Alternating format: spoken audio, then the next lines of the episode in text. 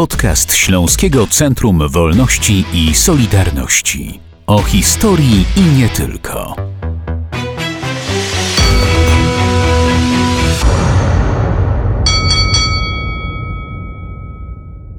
Witamy Państwa bardzo serdecznie. Aneta Kuberska-Bębas i Sylwester Strzałkowski. To podcast Śląskiego Centrum Wolności i Solidarności w Katowicach przy kopalni Wujek. Naszym gościem jest profesor Bogdan Musiał, historyk polski i niemiecki, zajmujący się głównie badaniem dziejów Niemiec, Polski i Rosji w XX wieku, szczególnie w czasie II wojny światowej i w latach międzywojennych, ale my dziś z panem profesorem będziemy rozmawiać o latach 80. XX wieku. Dlaczego Dlaczego? To zaraz Państwu wyjaśnimy, ale najpierw Pana Profesora serdecznie witamy w Śląskim Centrum Wolności i Solidarności. Witam serdecznie. Panie profesorze, lata 80. no to już oczywiście czas y, niewojenny, ale ostatnio dotarł pan także do dokumentów y, sowieckich, które mówią o znaczeniu górnictwa, czy też w ogóle przemysłu wydobywczego i w Polsce Ludowej, i y, w bloku sowieckim właściwie zawsze mieliśmy świadomość, że górnicy to było troszkę takie oczko w głowie e, komunistów, no bo przemysł wydobywczy to jest e, węgiel, który można sprzedać za twardą walutę na zachód. To właśnie na tym polegało, że dlatego górnicy byli tak ważni dla systemu komunistycznego, że przynosili towar, który dało się sprzedać? Y, to nie tylko to, ponieważ y, ja może zanim do tego dojdę, to nie, ja się zajmuję co prawda drugą wojną światową, ale już się zajmuję latami od jakiegoś czasu właśnie powojennymi i aktualnie piszę książkę na temat lata 50. do de facto do dzisiaj i upadek komunizmu, ale bardziej z perspektywy Moskwy, a Polska w tej układance moskiewskiej odgrywa ogromną rolę i górnicy również. I y, w jaki sposób w ogóle wpadłem na to, dlaczego zajmować się też górnictwem? Czytając wspomnienia Gorbaczowa Gorbaczowa. Gorbaczow tak mimochodem wspomniał w tych wspomnieniach, że tak, tak naprawdę komunizm Związek Sowiecki rozbili górnicy. Dotyczyło to roku 1998, podobnie jak w Polsce oczywiście na to zwrócił uwagę. Ja się teoretycznie pierwotnie tym nie chciałem się zajmować, bo to mnie dotyczy bezpośrednio, czyli jest, powiedzmy jest taki pewien aspekt wśród historyków, nie tylko historyków, żeby się nie zajmować własnymi powiedzmy w pewnym sensie losami, bo wtedy się nie jest y, no po części obiektywnym. Ale mimo wszystko zwróciłem na to uwagę ze strony jakby najpierw moskiewskiej. I właśnie trafiłem przy okazji na dokumenty, które z Warszawy szły do Moskwy, i o tym debatowano i to były dokumenty nie, nie polskie, tylko sowieckie. Mieli powiedzmy komórkę w Warszawie, tak zwaną GOSplanu, czyli takie, komór, takie komórka planowania czy planu gospodarczego i mieli tu w Polsce taką e, placówkę w pewnym sensie i szły sprawozdania do Moskwy i tam analizowano to i to, też było to omawiane. No i z tego wynika, następnie zacząłem doczytać oczywiście i ja nie wiem, że doznałem takiego aha efektu, ale miałem trochę inną perspektywę. No i dlaczego doszli do wniosku Grobaczow miał rację, autentycznie, bo tak naprawdę górnictwo węgla kamiennego i górnicy jako grupa społeczna, to było w końcu latach 80. około 400 tysięcy ludzi, 70 kopalni, to było dużo, ponieważ Polska węglem stała, ale polska gospodarka była węglowa od początku do końca. Spójrzmy tylko na same liczby.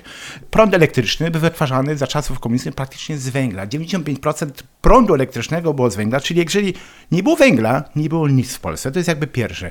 Opalanie w zimie, wszystkie zakłady i tak dalej, wszystko było węglem opalane. Czyli to jest jakby jeden aspekt. Tutaj pan redaktor wspominał o efekcie dewiz, ale kluczem było, że ten węgiel, polska gospodarka całościowa była e, gospodarką surowcowo-węglową, węglową i się na wszystko na tym opierało. Czyli bez węgla w sumie nic nie funkcjonowało. Jeżeli górnicy by zastrajkowali, to w krótkim okresie czasu brakuje tego węgla i stoi cały kraj. Jeżeli na przykład e, pani Krzywono stwierdzi, że zatrzymała tramwaj w Gdańsku, twierdzą, że nie zatrzymała, bo stanął po prostu, bo prądu nie było, to tutaj nie było takiej możliwości, jeżeli węgla nie było, to wszystkie tramwaje stały, wszystkie zakłady stały i tak dalej. Czyli praktycznie cały system stoi i tutaj dlatego jest kluczowa rola tego węgla z przyczyn gospodarczych i to trzeba sobie tak naprawdę najpierw uzmysłowić, jakie to miało znaczenie. I tutaj problem zawsze komunistów był, że na tym e, gospodarka się opierała i e, w latach 70.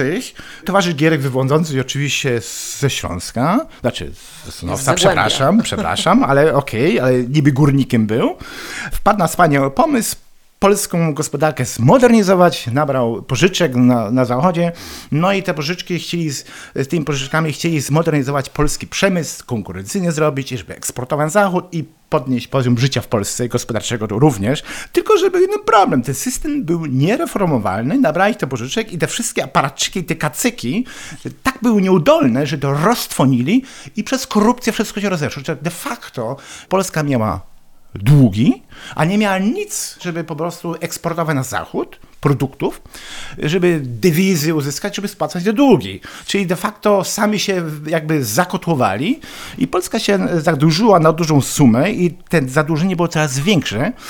Jakoś trzeba było to spłacać. Czy mogła, Polska mogła spłacać? Zostały surowce. I jakie surowce miała? No oczywiście węgiel. Polska miała 11% wówczas, nie wiem jak dzisiaj jest, wówczas było 11% zasobów węgla kamiennego na całym świecie, to było w Polsce 11%. Polska nie był dużym krajem, czyli to są ogromne zasoby. Do tego dochodziła siarka, chyba 38% bodajże i e, jeszcze były zasoby miedzi 10%, ale kluczem był węgiel. E, eksportowano wówczas w latach 80., jeżeli się dobrze przypomina, ponad 30-30 do 40 milionów ton. I to była jedyna możliwość uzyskania dewiz, czyli żeby kraj funkcjonował gospodarczo w ogóle, żeby jakoś ten finanse utrzymać, byli skazani na, na eksport. Czyli wewnętrznie gospodarka jest całkowicie uzależniona od, od górnictwa, węgla kamiennego, plus funkcjonowanie za granicami, czyli kwestia eksportu. I tutaj był jakby problem. Jeżeli górnicy powiedzmy zastrajkowaliby, to wszystko stoi i jest jeden problem, który towarzysze w Warszawie i również w Moskwie rozpoznali, że górnicy jakby z innego są, z innej gliny są lepieni. E, w pewnym z sensie. innej niż e, pozostali robotnicy? Tak. To można bardzo łatwo wytłumaczyć. Ja mogę po swoim doświadczeniu powiedzieć. Ja w 1978 roku przyjechałem na Śląsk, e, na kopalnię Wieczorek i było powiedz, możliwość, że się w kopalni pracowało i się było zwolnione od służby wojskowej. I ze mną bodajże 30 ludzi, młodych chłopaków z gór i tak dalej, nauczyli ciężkiej pracy. Po pół roku zostało nas dwóch. Po prostu powiedzieli nie. Ja odchodzę stąd, zbyt ciężko, zbyt niebezpiecznie, zbyt niebezpiecznie i po pół roku ja też odeszłem, przyszedłem na wujek. Po prostu doszedłem wniosku, wieczorek był z innych przyczyn, ale przyszedłem na wujek. To po prostu tak była praca ciężka, fizyczna i niebezpieczna. Musimy wziąć pod uwagę, że właśnie dzięki, o tym wspomniałem, tym zadłużeniu, konieczności spłacania, zaczęto prowadzić, ona zawsze była rabunkową gospodarkę wydobycia węgla na ogromną skalę. I ta rabunkowa gospodarka polega na tym, że nie tylko zasoby węgla były, powiedzmy, rabunkowe z ogromnymi stratami, ale maszyny ja sądzę, że niektórzy pamiętają tak zwaną czterobrygadówkę. Wprowadzono je kiedy na wujku, bodajże w 1978 roku, jeżeli sobie dobrze przypomnę, na wieczorku, chyba rok później, już nie pamiętam dokładnie, ale mniej więcej już czterobrygadówka polega na tym, że oni de facto w cudzysłowie zajechali maszyny, zajechali ludzi w pewnym sensie. I bo kopalnia pracuje na okrągło. Na okrągło, bo po prostu wszystkie maszyny ludzie potrzebują odpoczynku, a czterobrygadówka polega na tym, że był zespół podzielony na cztery brygady w pewnym sensie i pracowano bodajże sześć dni, i dwa dni wolne, jeżeli się dobrze przypominam. Sześć dni, dwa. Czyli de facto zawsze niedzielę również wydobywano na pewnych obrotach, czyli nie było możliwości konserwacji, zabezpieczenia i rok 79 przychodzi ogromne wypadki górnicze. Czyli wiemy, rok e, w 1979 Dymitrow bodajże, wybuchy metanu i oficjalnych tylko danych, jeżeli sobie dobrze przypominam, to było w 79 roku, bo 100 górników zginęło w dużych wypadkach, w dużych, jak mówię, bo takie mniejsze katastrofy górnicze, pojedyncze, jeden zginął, komuś nogę urwało, czy miał ciężki wypadek, mniejszy, ciężki, to po prostu nie podawano do statystyk, fałszowano, to jest bardzo istotne. Czyli de facto ta gospodarka rambukowa zajeżdżała w pewnym sensie nie tylko kopalnie, w sensie ludzi, nastąpiła pewna w sensie taka selekcja ja pracowałem parę lat i później już pracowałem w innej dziedzinie, jeszcze takiego czegoś nie spotkałem, że te warunki były tak ciężkie, że pewna selekcja była i y, fizyczna i psychiczna w pewnym sensie. Trzeba być trochę mentalnie by bardziej odporny, ale te warunki niebezpieczne tworzyło coś taką mentalność górniczą, a to jest tylko, nie tylko, to, tylko to wzmocniło, y, zagrożenie życia doprowadzi do tego, że ta koniecznej pomocy jest uzależnionym. I to widać zresztą, to jest nie tylko klasyczne polskie, mówię tutaj u nas na było, to ja, ja się tym interesuję, to wszędzie tak jest. Mhm. Czyli gdzie są niebezpieczne warunki, jest, powstaje inna mentalność w pewnym sensie, że konieczność... Pewna tożsamość zawodowa. I to, to oczywiście rezultuje z tym taką pewna inna tożsamość zawodowa, czyli jak, taki Korgeist się nazywa po niemiecku, nie jak to po polsku jest, takie pojęcie jest, że pewna mentalność zawodowa, która jest specyficzna, to nie znaczy, że każdy to ma. To nie. Ale tutaj jest takie, ta pewna dyscyplina, no i oczywiście, no jakby to powiedzieć, jak zomowców wysłali, no to my to nie chcę wchodzić w szczegóły, no ale jeżeli zomowcy poszli pod kościół, gdzie były babcie, kobiety dzieci i ruszyli z pałami, no to bardzo szybko rozbi- rozgonili, albo stu- studentów. Z górnikami było trochę trudniej, y, po prostu, bo to jest jednak in, inna kwestia, to byli mężczyźni po prostu zahartowani w pewnym sensie, no bo jednak niebezpieczeństwo y, i, i to inaczej wyglądało i było ciężko. I z tego sobie zdawali sprawę w Warszawie. Że jest problem, że to społeczeństwo górnicze jest coraz bardziej antykomunistyczne. Do tego dochodziła jeszcze kwestia wiary, czyli ten element religijny był tutaj bardzo mocny. Spójrzmy tylko na, ja nie wiem, czy do dzisiaj, za moich czasów, że nawet byli ci, ci różni tak zwani biali, czyli to byli ci, ci z, z góry przyjeżdżali z białochemach i na biało przyjeżdżali, oglądali. Nawet to byli oczywiście często aparaczycy i tak dalej. Mówili, jak, jak się pozdrawiało w kopalni? Szczęść Boże. Boże. Ktoś mógł być ateistą, ale mi wszystko yy, szczęść Boże się mówiło. No po prostu to należało do tego. To, jest, to było wcześniej na wsi, tak się mówiło szczęść Boże, a tu zostało to do dzisiaj. I tutaj było, w sumie, jeżeli te, te nastroje były takie zdecydowane, trudniej było komunistom to spacyfikować i co jest bardzo istotne.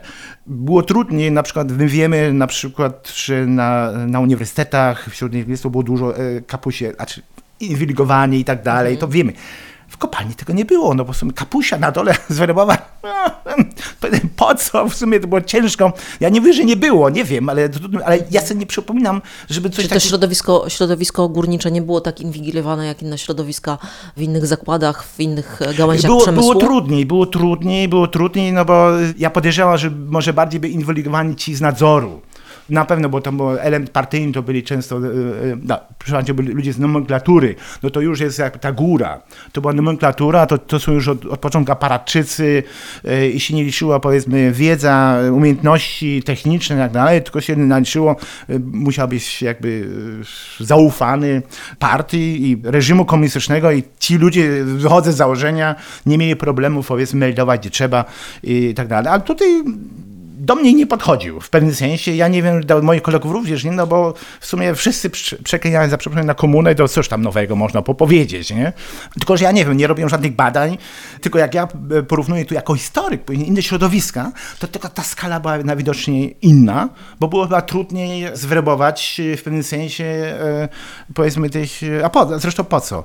I tutaj ta pewna specyfika, ta pewna specyfika doprowadziła do tego, że i moje, antykomunizm tego strachu było mniej. Ja widziałem, miałem do czynienia z innymi ludźmi, ludzie częściej się bali po prostu też. My- Myśmy się tego tak nie bali. To, ja nie wiem, to jest specyfika, no ale jeżeli ktoś, przepraszam, jeżeli ktoś pracuje w kopalni na ścianie, jak ktoś wie, co to znaczy, żeby tam pracować, to nie może być człowiek słabej kondycji psychicznej, bym powiedział. Po prostu szybko, ja dlatego powiedziałem przykład, po pół roku wszyscy wy, wychodzili, ponieważ chociaż to nie byli, nie chcę tutaj używać innych pojęć, ale powiedzmy, in, mieli inną konstytucję psychiczną i ci ludzie, no, no jakby wymaga, no, te warunki pracy wymusiły, zrobię pewną selekcję i ta selekcja i plus to niebezpieczeństwo doprowadziło do tego, że jest właśnie taka spójność zawodowa. Ja, ja mogę tylko powiedzieć swój przypadek, no to, to było dla mnie na samym początku, to na, miałem bardzo wcześnie, chyba po trzech miesiącach miałem dosyć ciężki wypadek i krótko przed tym pokłóciłem się z kolegą, trochę z innego działu, myśmy się pokłócili dos, bardzo mocno. No i mnie trafiło, za przepraszam, leżę i teraz mnie trzeba było wynieść do, do szybu. To nie było tak, że tutaj, bo dwa kilometry trzeba nieść na noszach.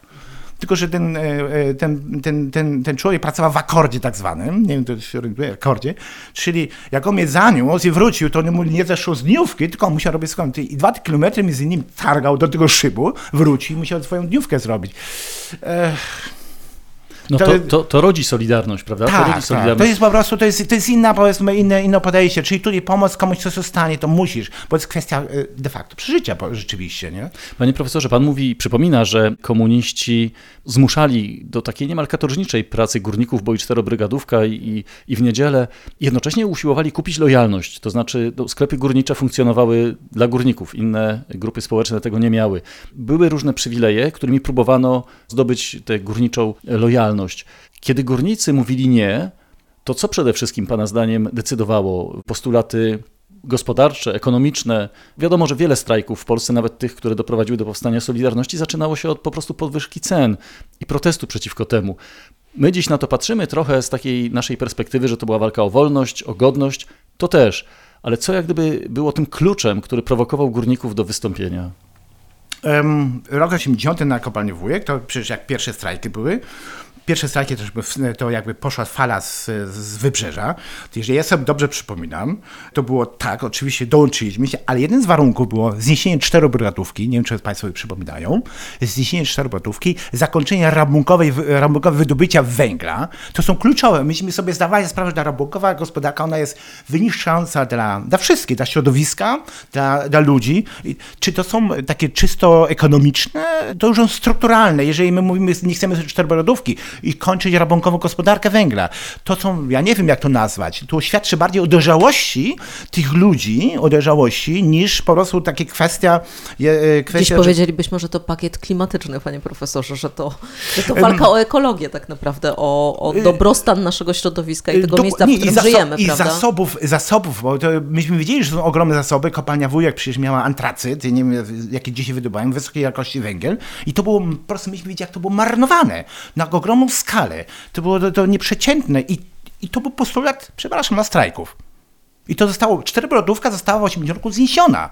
I później usiłowano to przez, to pan e, słusznie wspominał, że próba kupienia tych górników, żeby te w niedzielę pracowali. Tylko przepraszam, to jak, na czym polegała to dobrowolność? Ja sam to przeżyłem. Niby mieć, dopłacano więcej, tylko dobrowolnie się szło powiedzmy na, y, y, na weekend do pracy, tylko ta dobrowolność polegała na tym, że trzeba pójść do Sztygara i Sztygar powiedział, że okej, okay, możesz nie przyjść. Jeżeli nie przyszedłeś, miałeś bumelę, za przeproszeniem. Czyli nie było to dobrowolne, tylko musiałeś powiedzmy wytłumaczyć, dlaczego coś się stało z takiej czy innej przyczyn i Sztygar decydował de facto, czy to możesz nie przyjść do pracy. Czyli, czy tak naprawdę na zewnątrz to wyglądało, że oni byli kupowani, w de facto nie byli kupowani, bo to była jakby, jakby próba ich przekupienia nie do końca to wychodziło, a po drugie myśmy mieli jedną świadomość, że to nieprawda, że byliśmy uprzewilejowani. To była na zewnątrz, tego puszczano propaganda, ponieważ, przepraszam, milicjanci, zomowcy, partyjniacy, myśmy widzieli, kradli po prostu. Na powierzchni widziałem, jak pracują na powierzchni ci ludzie, to nie mieli lepiej ode mnie. Przychodził jakieś, za jakąś kawę, to ja robię na dole, a panie, przepraszam, z administracji sobie stanowię, sobie zabrały. No i zostały dla nas ochłapy w cudzysłowie. No i, czyli to jest, tak naprawdę to była duża propaganda, więcej gadanie ludziom się wydawało, że rzeczywiście jest tak,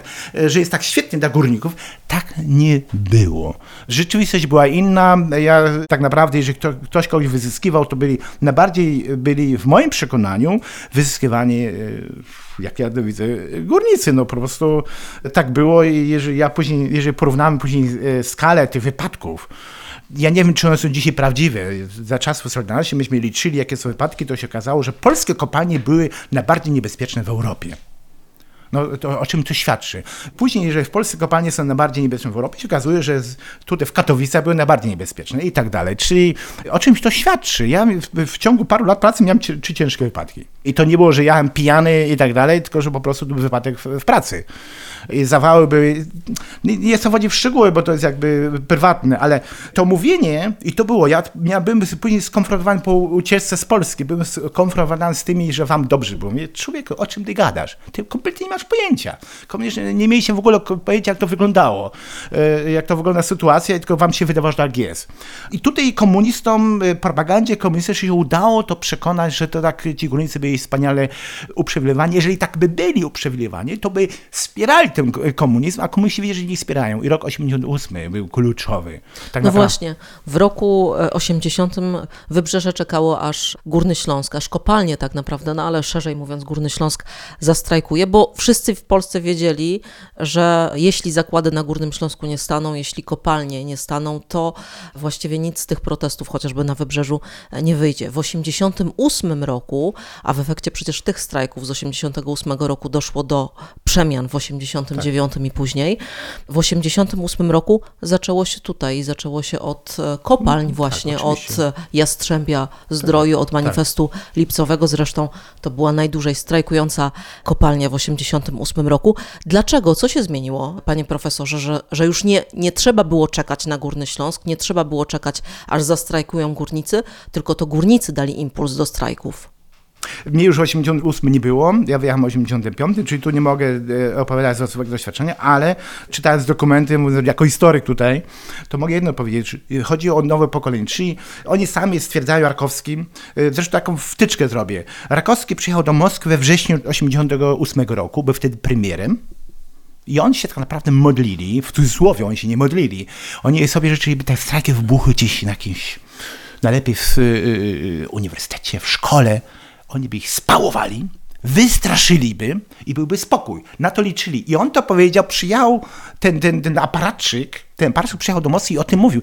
Tylko, że jasno cholera zastrajkowali górnicy i tych nie można było tak spałować. Po prostu się nie dało. Oni mieli tę świadomość, zresztą to był tutaj efekt 81 roku, 8 roku, te strajki, my wiemy o tym. I ten efekt, on był zastraszający. On zastraszył oczywiście tutaj, szczególnie na Katowicach, zaawansował, że ci mordują, oni zabiją, żeby władzę utrzymać, ale mimo wszystko y, to się stało. Ja, ja mówię o własnym doświadczeniu, że dla mnie Solidarność było coś niesamowitego, powstanie. Y, stan wojenny był, to rozpoznałem, że ci zbrodniarze nie cofną się przed mordami, i teraz pytanie, co mam zrobić? Oczywiście, jako, ja podjąłem sobie się decyzję, że jednak Polskę opuszczę.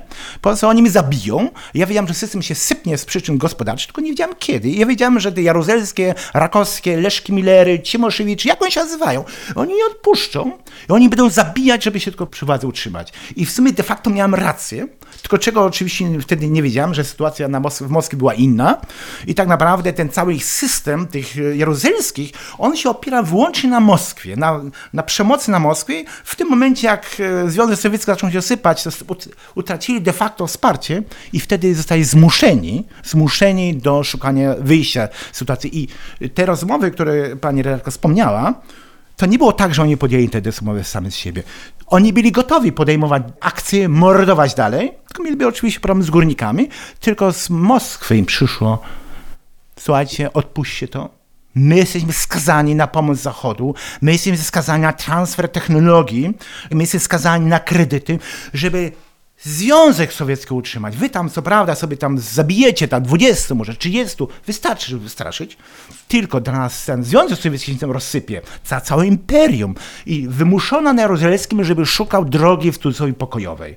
Oczywiście, jakby mniejszy strajk byłby, to by łatwiej było spacykować, ale jeżeli stanęło Górnictwo, de facto manifest lipcowy w krótkim czasie, bo 14 kopalni za tym stanęło, to był tylko moment oczywiście. To już oznaczało, że tak naprawdę ten system był nie od utrzymania, z Moskwy był sygnał jasny, stop czy czerwona e, lampka, nie ma żadnej przemocy, musicie to jakoś rozwiązać. I dopiero wtedy, ale już wtedy im dali możliwość, z Moskwy im powiedziano, Gorobaczow powiedział Rodzewskiemu nie raz, że nie jesteśmy w stanie wam pomóc. Nie ma takiej możliwości. Ani finansową, ani y, przemocą, bo my musimy siebie sami ratować. Musicie sobie sami radzić. I w taką sytuację oni się wmanewrowali przez te wszystkie długi i to rozjeżdżanie tylko marki, że byli zmuszeni coś zmienić i to wymusiło dopiero na rozmowy, właśnie jak my wiemy, rok 88, gdzie Kiszczak został wyznaczony, zbrodniarz tak samo komunistyczny, sowiecki, w sumie jego kariera jest y, uzależniona, my wiemy, uzależniona od Sowietów i od Jaruzelskiego. Przecież to bandyci stalinowcy. To jest stalinowiec. Przecież Kiszczak zaczął swoją karierę polityczną, esbecką jako stalinowiec. Jaruzelski również stalinowiec. To, są, to jest stalinowskie de facto pokolenie. I ci ludzie nie mieli żadnych skrupułów. Musimy o tym wiedzieć. Tylko wymuszało ich na tym, z jednej strony y, Moskwa wymuszała na nich, żeby żadnej przemocy, z drugiej strony Zachód, nie Niemcy. Waszyngton, że nie ma możliwości, wy musicie doprowadzić do zmiany systemu i to dopiero wymusiło i wewnętrznie górnicy wymusili to, czyli górnicy do tego się dołączyli inaczej, czyli w roku 89 nie było innej możliwości, aby ten system uratować, ponieważ zdawali sobie sprawę, że dojdzie do wybuchu, dojdzie do wybuchu i oni nazywali to dzieci Solidarności. W Warszawie i również w Moskwie. Dzieci Solidarności, czyli chodziło o pokolenie, specyficzne pokolenie. To było pokolenie, to było nie pokolenie pierwsze pierwszej Solidarności, która jak brała czynny udział w tych strajkach, e, to było pokolenie robotników i też studentów, którzy w 80-81 roku mieli tam powiedzmy 13, 14, 15 lat, przeżyli powiedzmy ten e, festiwal wolności, czyli zostali tym zarażeni, nie mogli jeszcze aktywnie brać w tym udział, bo byli uczniami de facto, Stan wojenny do, oczywiście doprowadził do takiej sytuacji, doprowadził. De facto to pokolenie może trochę wystraszył, to znamy, ja to sam to pamiętam, wystraszył, że ci nie ustąpią, ale to pokolenie wchodziło w wiek dorosły, w wiek zawodowy i studenci plus gotowi. To my wiem, to jest pokolenie. I ci byli bardziej radykalni, odrzucali. I oni to rejestrowali. Mieli oczywiście przez SBC, przez agentów, mieli takie zawsze informacje, że nastroje się radykalizują. Jeżeli by się oczywiście komunistom udało gospodarczo sprawę rozwiązać, poprawić, by to było oczywiście się nie, e, byłoby się poprawiło, tylko ten system jest niereformowalny. On nigdy był, nie był reformowalny, on był zawsze de facto od samego początku jest ten system skazany na kryzys, chyba że mam możliwość rabunku. Są różne teorie, ale ja się akurat tym zajmuję. Nie ma takiej możliwości, że ten system sam z siebie był, mógł e, zapewnić dobrobyt. Nie ma pewnej grupie tak, czyli tutaj Aparczykom gdzie się bardzo dobrze żyło, ale w większości to kosztem innych było. I tutaj y, ten, ten klucz był do tego, że po prostu nie można było czegoś zreformować, co nie było zreformowania, czyli trzeba było całkowicie zmienić system, i to wymusiło. Czyli, a system, żeby zmienić, to musieli po prostu odejść do od tej stalinowskiego e, systemu zarządzania gospodarką. To, co byśmy mieli, to się tego w ogóle nie nazywa, ale ja się zajmuję to, co zostało w Polsce po 1945 wprowadzone, co funkcjonowało do końca lat 80., to był system stalinowski. To Stalin to prowadził w końcu lat 20. I ten system stalinowski, on funkcjonował. Jedynym wyjątkiem w Polsce było rolnictwo, które praktycznie było w, ręce prywa- w rękach prywatnych, ale naciski były zawsze z Moskwy. Czyli myśmy mieli tak system stalinowski, e, warstwy przywódcze były stalinowskie. Oni się od tego odżegnują później, ale Jaruzelski to jest stalinowiec, Kiszczak stalinowiec, Rakowski stalinowiec. To są wszyscy stalinowcy. To są wszyscy wychowanki tego systemu i to jest pewna taka specyfika, bardzo negatywna selekcja moralno-etyczna i to jest jakby nasze elity, powiedzmy w cudzysłowie, które nas wprowadziły w, ten, w, ten, w lata 80. No i niestety dużo części została. To jeszcze tylko, panie profesorze, jeżeli mówimy, jeżeli pan mówi, górnicy obalili komunę, to trzeba dodać polscy górnicy, czy górnicy w ogóle? Myśmy wtedy niewiele wiedzieli o tym, co się dzieje w Związku Radzieckim, czy tam w ogóle dochodzi u Sowietów do jakichś strajków górniczych na przykład, a przecież tam też była to tak kluczowa y, grupa społeczna. I wiemy, dziś już wiemy, że strajkowali, może nie na taką skalę jak w Polsce. To też miało takie znaczenie dla systemu, czy tak naprawdę mówimy o polskich górnikach? To byli przede wszystkim polscy górnicy w Związku Sowieckim w różnych było, tylko to było z opóźnieniem. E, mianowicie e, system komunistyczny Związek Sowiecki się no, zaczyna, już wcześniej się zaczął rozsypywać, nie chcę powiedzieć w szczegóły, on się zaczął sypać e, gospodarczo i w roku 1989 w czerwcu nastąpiły takie ogromne strajki górnicze. One zaczęły się od Syberii, szły na Donbas i te strajki one były gospodarcze de facto, nie? czyli podwyżka podwyżki. Ale te podwyżki, oni sobie zdawali sprawę, że nie mogą ich z, rozbić ich przemocą, jak to myśmy mieli w roku 1981 stan wojenny, tylko y, musieli ustąpić. Ale to rozbiło im całkowicie system, y, budżet. Kompletnie. Ja się, jak ja to przeczytałem, później z, zacząłem patrzeć dokładnie po y, protokołach biura politycznego i nagle się okazuje, że rzeczywiście te doprowadziło do tego, że jest po prostu nie można było tego w ogóle e, uratować. A nie było już możliwości sobie, że nie mogą przemocą wymusić e, przemocą, ponieważ oni przez te strajki, najpierw gospodarcze, oni staje się bardzo pewni siebie, świadomi i zdawali sobie świadomi ze swojej siły. I tu był e, problem, że wiedzieli, że po prostu ten system trzeba rzeczywiście go zmienić. To jest jakby opinia Gorbaczowa. Ja to zweryfikowałem przy źródła. Jeżeli chodzi o Związek Sowiecki, rzeczywiście jak wygląda było, tylko to był jakby ten element, który już oni szli liczyć na to, że uda im się tu przez ropa naftowa i, i tak dalej, że im się uda zmodernizować coś, co się nie da zmodernizować. Jeszcze liczyć na to, ale tutaj jeszcze strajki doprowadziły do tak rozmuchały ten budżet, że nie można było nic zrobić kompletnie. To jest mój rok 89, później mamy w Polsce, co się stało, wybory oczywiście, idzie praktycznie jakby efekt domina. By się wszystko się rozsypywało i Związek Sowiecki się e, de facto rozpadł. Tylko, że w Polsce to było, górnictwo odgrywało jeszcze dużo, dużo ważniejszą rolę, ale to był jakby efekt tego domina taka z tej układance. Ja mówię o Polsce, o układance, czyli tak de facto Polska się rozsypała przez to, że była gospodarką surowcową, węglową, tymi długami zajechali i wprowadzili w taką sytuację komuniści, ci wspaniali eksperci gospodarki marksistowskiej, że nie było możliwości tego zreformować, nie było możliwości reformacji i nastąpiła e, jakby konsolidacja mentalna tej, tej najmocniejszej grupy, znaczy nam, jeśli chodzi o y, górników, którzy praktycznie powiedzieli, jak my staniemy, wszystko stoi i de facto Jaruzelski, e, Kiszczak, Urban i tak dalej nie mieli innego wyjścia. I mój podkreślam, co jest bardzo istotne, dostali dokładnie czerwone światło z Moskwy, nie ma używania przemocy. To jest jedno. A radykalizacja tego pokolenia, oni nazywają to dzieci Solidarności, to byli młodzi ludzie, którzy już nie słuchali, powiedzmy, e, Wałęsy, bo nie, dla nich on już nie był autorytetem, a już nie mówiąc o Geremku i, i tych innych, on nigdy nie był autorytetami, dlatego komuniści byli zmuszeni e, rozpocząć rozmowę, ale nie z tymi radykalnymi, tylko z innymi, żeby rozładować to napięcie. I to jest efekt oczywiście okrągłego stołu, że te grupy zostały radykalne jakby spacyfikowane przez te rozmowy, bo nagle wtedy rozładowuje się napięcie, rozładowuje się napięcie i tak się rzeczywiście stało I, i w pewnym sensie się dogadali.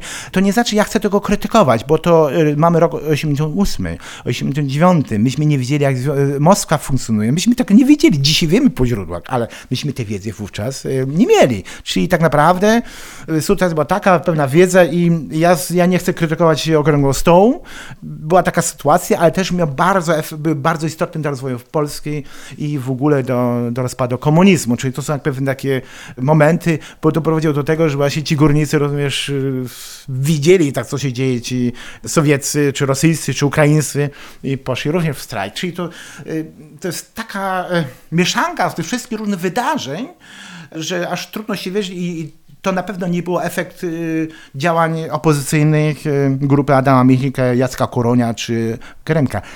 Ja podkreślam, tutaj ta grupa nie miała żadnego znaczenia, żadnego. Oni chcieli od wewnątrz reformować coś, co jest do reformowania, a górnicy to odrzucali i większych robotników również. Kompletnie ten system odrzucano. I to był klucz. To był klucz do tych wszystkich wydarzeń, czyli ich dywagacje na temat, jak można system poprawić, nie odgrywa żadnej roli, a jeżeli ktoś tu odgrywał rolę, to był Kościół Jan Paweł. To było, już. To jest religia i Kościół. Oczywiście to brzmi oczywiście bardzo klerykalnie dzisiaj, ale ja mówię o faktach. Kiedy możemy spodziewać się książki, o której pan profesor wspominał? Że ją pisze właśnie Ja ją piszę, tylko ja... o tej dekadzie między y, innymi. Ja piszę tylko z, tam element polski będzie, ja piszę przez o Związku Sowieckim, to jest, bo jak patrzę z tej perspektywy, no ja sądzę, że do połowy tego roku skończę, nie, bo tak już teraz jestem dosyć daleko i to jest fascynujący temat oczywiście, nie. Ja sądzę, że manuskrypt będzie gotowy, jeśli dobrze pójdzie y, do lata i, i wtedy zobaczymy, gdzie to opublikujemy. No to czekamy z niecierpliwością. Profesor Dziękuję Bogdan bardzo. Musiał był dzisiaj naszym i państwa gościem.